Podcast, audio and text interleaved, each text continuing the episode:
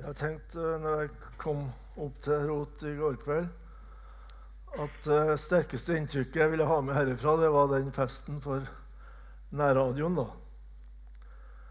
For det var veldig flott. Og, og enormt å tenke på hva som har skjedd i 35 år. Og hvor mange som har hørt noen ting som er veldig viktig. Men når jeg så alle barna her nå, så tenkte jeg at det er enda større. da. For Det vil jeg fortelle til madammen og kanskje til andre i Ytre Enebakk, der jeg bor. At her var det mye barn. Og her var det mange unge foreldre, og det er så flott. Det, er, det setter spor altså, gjennom hele livet, det som skjer på disse søndagene her. Og trygge spor. Veldig godt. Nå var det bønnesang vi sang. Og vi skal lese dagens tekst fra Matteus 3 i dag, om Jesu dåp. I Jesu navn.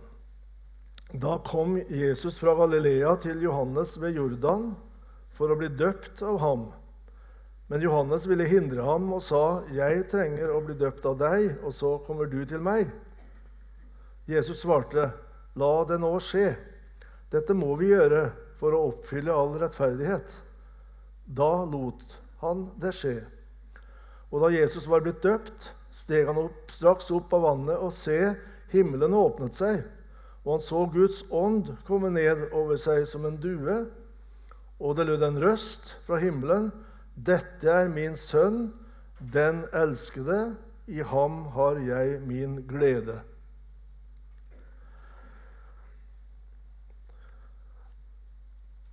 Vi har det som Johannes, at vi sammenligner oss med andre. Og eh, sammenligningen faller veldig ulikt ut. da. Det har også litt med sjølbildet å gjøre, dette her. Vi prøver å tenke hvordan er min relasjon her i forhold til den? Hvordan er styrkeforholdet? Det er noen som er i en helt annen liga, blir det sagt. Jeg hørte noe nylig da, sist da, Johannes Høsflot Klæbo, som for øvrig er trønder, han, eh, de sa om han at han er en klasse for seg da, når det gjelder sprint. Eh, og sånn er det. Folk sammenligner seg. Og hvis folk sammenligna seg med døperen Johannes i den tida, så ville de tenke noe på samme måten. Han er en klasse for seg. For tenk å komme med et sånt budskap og si det på en sånn måte at store skarer kommer og hører. Og kommer med beskjed fra Gud. Og rører ved livet til folk. Så det blir så tett på og nærgående at vi blir avslørt. Ingen av oss andre er i nærheten av det. Tvert imot så opplever vi at vi må bøye oss for det han sier. Styrkeforholdet er veldig forskjellig mellom oss og han. Han er i en klasse for seg. Og det var han også, da. For Jesus sa han er den største født av kvinner. Da må Jesus ha i tanken gjort en reservasjon, for han visste jo han var sjøl født av jomfru Maria som den aller største. Men døperen er den største i hele historien. For han hadde en rolle like foran Jesus skulle tre fram.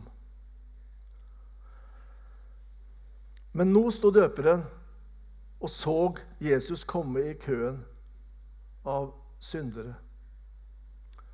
Det er ikke så lett å vite hvordan han opplevde det rent sånn psykologisk. Men vi skjønner det at han ble antagelig litt urolig etter hvert som Jesus nærma seg. Og så sier han rett ut 'Jeg trenger dåp av deg', og så kommer du til meg. For du er i en annen liga enn meg. Han har nettopp snakka om Jesus. Han har snakka om en som kommer etter meg, og som er større enn meg, og som eh, skal gjennomføre en dom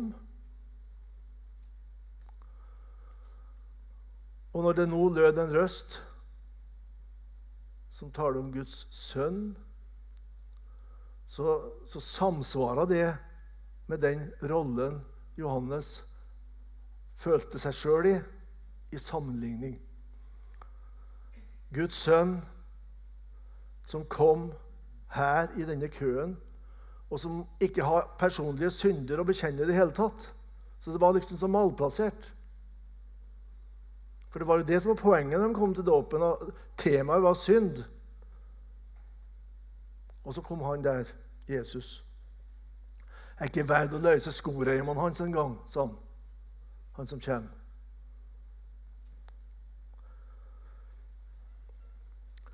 Dette var ikke nytt for døperen, denne følelsen her. For det står en veldig artig tekst i Lukas 1 om da han var et foster i mors liv seks måneder gammel. Og Maria, som var nylig blitt gravid, kom på besøk til mamma Elisabeth. Og Elisabeth bryter ut i en lovsang. Tenk at 'min Herres mor kommer til meg'. Det var også en sammenligning. da. Jeg skal være mor til døperen Johannes, men der kommer min Herres mor. Å bruke et sånt uttrykk om det lille fosteret i, i Marias mors liv. Og så står det at døperen han var så gammel at han begynte å sparke i morslivet. Han sparka av fryd og glede. Det, det, dette er en veldig artig tekst. altså. Du ser for deg to kvinner som omfavner hverandre i, i et uh, møte. Ei gammel og ei ung. De har én ting felles. Vi er gravide. gravid. Men det er likevel veldig forskjellig her. For det er jo min Herres mor som kommer. Og døperen sparka av jubel. Forteller Elisabeth to ganger i den teksten. Det sier noe om han som her sto og døpte, og som så at nå kom denne som mamma kalte min Herres mor. Eller mamma kalte min Herre da hun brukte dette uttrykket. Her står han, Jesus. Men så svarer Jesus noe veldig interessant. La det nå skje, og dette må vi gjøre for å oppfylle all rettferdighet. Det var altså noe som skulle oppfylles her. Å oppfylle rettferdighet det betyr ikke å leve etisk korrekt. Det er ikke det som er poenget her. da. Poenget er at den planen Gud har lagt i sin rettferdighet, og den planen er riktig å gå inn i for Jesus. Og vi vet jo det at Jesus i evigheten hadde sagt ja til denne planen. Og nå skulle han tre fram for folket. Og så skulle han ned dit, til Jordan. La det nå skje. Han måtte ned til det stedet der det så å si var demonstrert hvor ille menneskeslekten er. Døperen Johannes er sikkert den sjelesørger i verden som har hørt mest stygt og brutalt og underlig og, og, og, og hvordan menneskehjertet vrenger seg og viser sin syndighet. For de kom i køen og bekjente sine synder og ble døpt av Johannes. Mange folk. Så det var temaet der. Det var synd, og det var omvendelse til Gud, og det var dåpen omvendelsens dåp. Dit måtte Jesus, han som var uten synd. Og Da skjønner vi at det er et misforhold her. Det er noe som umiddelbart ikke stemmer. For eh, her kom han som da Johannes visste var uten synd. Og Det lød ikke et ord fra Jesu munn, helt sikkert ikke, at han angra noen ting eller bekjente noen ting. Og Det er en helt unik dåp, dette her, for Johannes. Allikevel skulle Jesus ned der i dette vannet som var forurensa av alle, alle, folks synder. Og så skulle det øses over Jesus. Det skal vi få en forklaring på etter hvert. Akkurat det samme sa Jesus til Peter lenge etterpå. Da Peter har sagt at du er Messias, den levende Guds sønn, og Så begynte Jesus å si jeg må til Jerusalem og lide, dø og oppstå. Og så protesterer Peter. Nei, det må aldri skje. Da har ikke han skjønt det som Johannes på det tidspunktet hadde skjønt. da. At han måtte. Og så svarer Jesus så skarpt som vi ikke finner eksempler på for øvrig.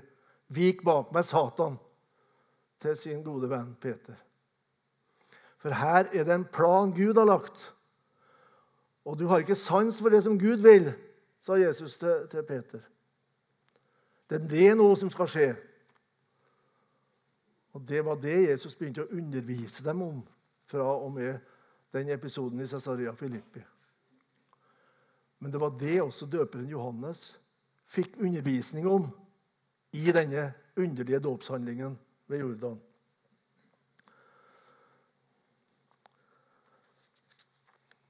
En plan Gud har lagt. Og Når det står begrepet 'oppfylle', så samsvarer også det med at her er det profetier som blir oppfylt. Den plan Gud har lagt fra evighet av, den var nemlig kommet til uttrykk skriftlig. Den var forutsagt.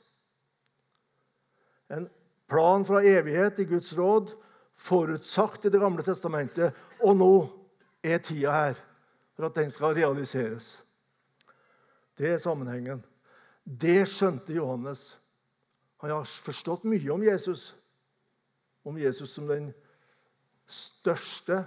Han sa jo en gang før dette her Han som kommer etter meg, er før meg, er foran meg, for han var før meg. Det er de preposisjonene der. Det er helt umulig å, å se sammenhengen. Egentlig, det, det er ulogisk. Han kommer etter meg. Han er foran meg, for han var før meg. Det erkjenner Johannes. Altså Jesus er fra evigheten før, og trer fram etter.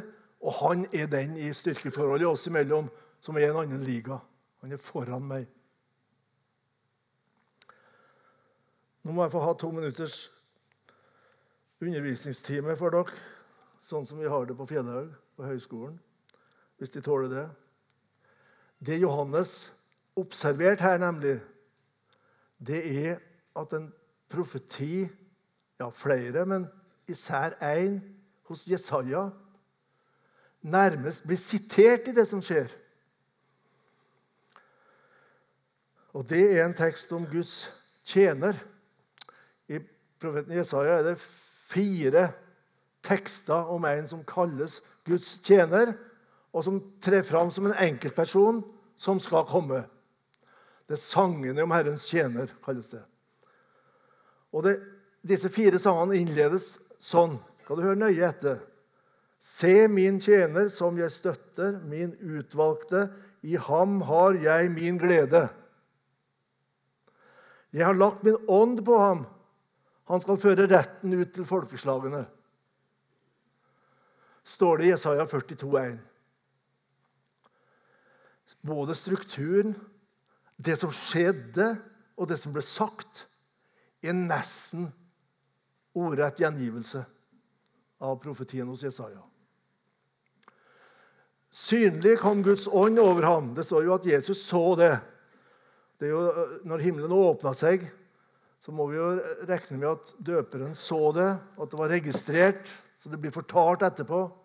Her kommer ånden over ham. Og En evangelist sier han ble over ham. Ble værende over ham.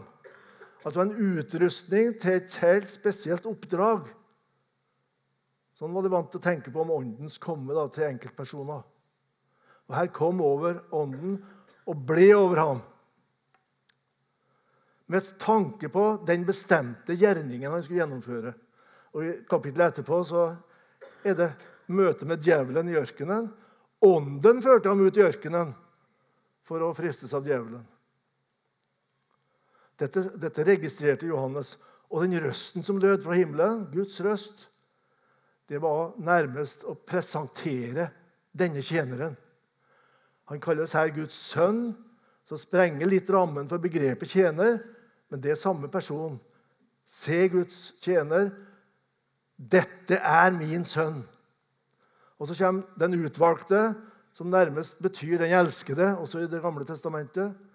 Og her står det 'den elskede, som jeg har glede i', som jeg har glede i, sto det i den 600-700 år gamle teksten. Det er Gud fra himmelen som utroper Jesus til Herrens tjener der i Jordan. For meg har dette blitt veldig trosstyrkende å se sammenhengen mellom testamentene. I går kveld var det en som fortalte om en som har gjennomgått Det gamle testamentet på nærradioen for lenge siden. Fortelling etter fortelling. Det er så viktig og nødvendig for at folk skal skjønne Det nye testamentet når de leser det. Både gudsbildet og Guds frelsesplan. Alt sammen. Her blir det realisert, det Jesaja har profetert. Men de to siste tekstene om Herrens tjener hos Jesaja de framtrer på en sånn måte at det har blitt naturlig i ettertid å si sangene om Herrens lidende tjener. For det har hovedfokus i de to tekstene. Skal jeg lese fra kapittel 50? Der er tjeneren som sjøl sier Du blir nesten blid på Golgata, så hør her. Min rygg bød jeg fram til dem som slo, og mine kinner til dem som rykket meg i skjegget. Mitt ansikt skjulte jeg ikke for hån og spytt. Kan det sies kortere og mer konsist, det som skjedde i rettssaken mot Jesus? Det er den lidende tjeneren som profeten sier må gjennomgå dette her. Og det er et must i det, sånn som Jesus sa det. Menneskesønnen må. Og i kapittel 53, som de kjenner godt Foraktet var han og forlatt av mennesker, en smertenes mann, vel kjent med sykdom. Han var som en som folk skjuler sitt åsyn for, foraktet, og vi aktet ham for intet. Heter det i denne siste sangen, som altså starta med 'Se min tjener'. Dette er min sønn. Altså Disse fire sangene starta med det. Og det aller sterkeste er ikke menneskers rolle her, egentlig. Mennesket som møtte han med forakt, hån, spott og spytt. Jeg leste nettopp nå en rettssak i forbindelse med at det var noen som har spytta en i ansiktet. Et sånn grotesk uttrykk for forakt som vi ikke må tåle iblant oss. Men det gjennomlevde Jesus. Men det aller sterkeste i den siste sangen, den siste teksten om Herrens lidende tjener, det er Guds rolle. For det står i vers 6.: Vi for, vi for alle vill som får, vi vendte oss hver til sin vei. Men Herren lot den skyld som lå på oss alle, ramme ham. Hvem var subjekt her? Herren lot den skylden ramme ham. Det er kjernen i Golgata-budskapet. Forakten og, og, som vi sa i går kveld, Jesu død. Gjennom dette så realiserer Gud sin dom. Han drepte fiendskapet, står det som vi leste i går kveld. Den personen ble presentert da han ble døpt. Og når synd er så sterkt tematisert i disse tekstene, den skyld som lå på oss alle, rammet ham, så blir nesten Jesu dåp en, en symbolsk uttrykk for akkurat det som skjer. Nå går han inn på den veien som fører dit. Han er den lidende Herrens tjener. For vår misgjerning ble han knust. I slektens sted han gikk, all verdens synd på ham ble kast, hver fange frihet fikk. La merke til det at I Johannesevangeliet, hvis du har sett kapittel 1, så ser vi hvordan Johannes nærmest forandrer profil på forkynnelsen etter Jesu dåp. For Han gjentar to ganger 'Se der, Guds lam'.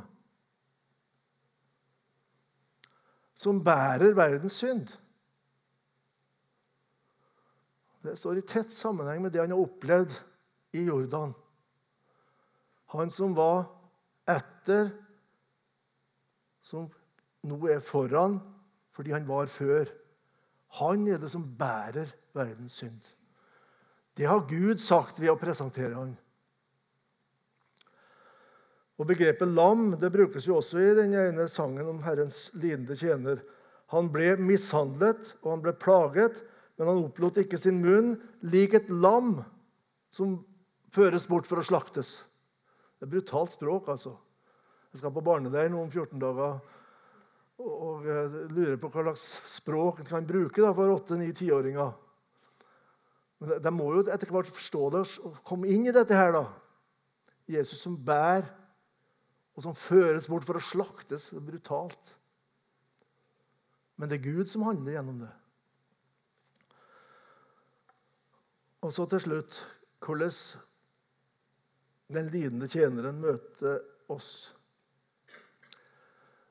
Det står ikke direkte i søndagens tekst, men den teksten som den siterer, der står det videre, skal du høre, om denne tjeneren. Han skriker ikke og roper ikke. Hans røst høres ikke på gatene. Han bryter ikke et knekket siv og slukker ikke en rykende veke. Med troskap skal han føre retten ut. Det smaker litt av palmesøndag. ikke sant? Fattig er han ridende på et esel. Ikke med våpen og maktbruk. Ikke med vold. Det er ikke sånn religiøse forestillinger vi skal ha. Han kommer og ser det knekkede rør og den rykende veiken. Knekket rør det er da uttrykk for mennesker som er ramma av noe som er vondt. Kanskje brutalt behandla av andre. Knekt, bare. Det finnes noen sånne rundt omkring. Eller rykende veke som har mista trua på seg sjøl og kjenner på at det er veldig skrøpelig. Jeg skulle egentlig vært en flamme, men jeg får det ikke til. Han skal ikke knekke og ikke slukke. Han skal være der, komme deg helt nær. Det er en flott, flott billedbruk. Vet du, I Matteus kapittel 12, samme evangeliet, så siteres dette her. I, I, vers 19.: Han skal ikke trette og ikke rope. Heller ikke skal noen høre hans røst på gatene. Han skal ikke knuse et knekket siv og ikke slukke en rykende veke inntil han har ført retten fram til seier. Ja vel, så ser vi hvordan disse sangene i Det gamle testamentet dukker opp i fortellingen om Jesus og i erfaringen av Jesus. Han var sånn Jesus. Han oppsøkte enkeltmennesket. Og han som var syndebæreren, han har tatt ansvaret for dem og ført dem inn i et gudsforhold som Guds barn. Og han kommer til hver enkelt gjennom evangeliet om seg sjøl. Banke, vil inn, vil fortelle hva han har gjort, hva han betyr. Og så har han hedningefolkene også som målgruppe. Han vil ut til folkeslagene. Det står det om også i en av disse sangene i, om Herrens tjener i, i Det gamle testamentet. Det er for lite for deg og ta deg av Israels tolv stammer. Så jeg skal gjøre deg til et lys for folkeslagene, sier Gud til denne tjeneren. Og det dukker opp igjen her. Skal føre retten ut til folkeslagene. Her er det mange som har vært med på det, da, ut til folkeslagene både i Norge og, og utover i verden. Det er en del av virkeliggjøringen av planen med denne Herrens tjener, som ble døpt i Jordan. Det får vi være med på når vi gir til misjonen, når vi ber, og når vi samtaler med folk. Kanskje også folk av andre etniske grupper som det er mange av i Norge. Kjempeviktig å tematisere denne Guds tjener, som er syndebærer, Guds lam som bærer verdens synd. Og korset som har en tverrbjelke som ønsker alle velkommen. Kjære Jesus, vi takker deg for dette her. Takker deg for at du var villig, og du var lydig, og du gikk veien helt ut. Og du seira, Herre, og du sto opp ifra de døde, og du for opp til himmelen, og du er vår Herre og Frelser i dag for Guds trone. Vi priser deg for det, Herre, og takker for det budskapet vi har om deg. Amen.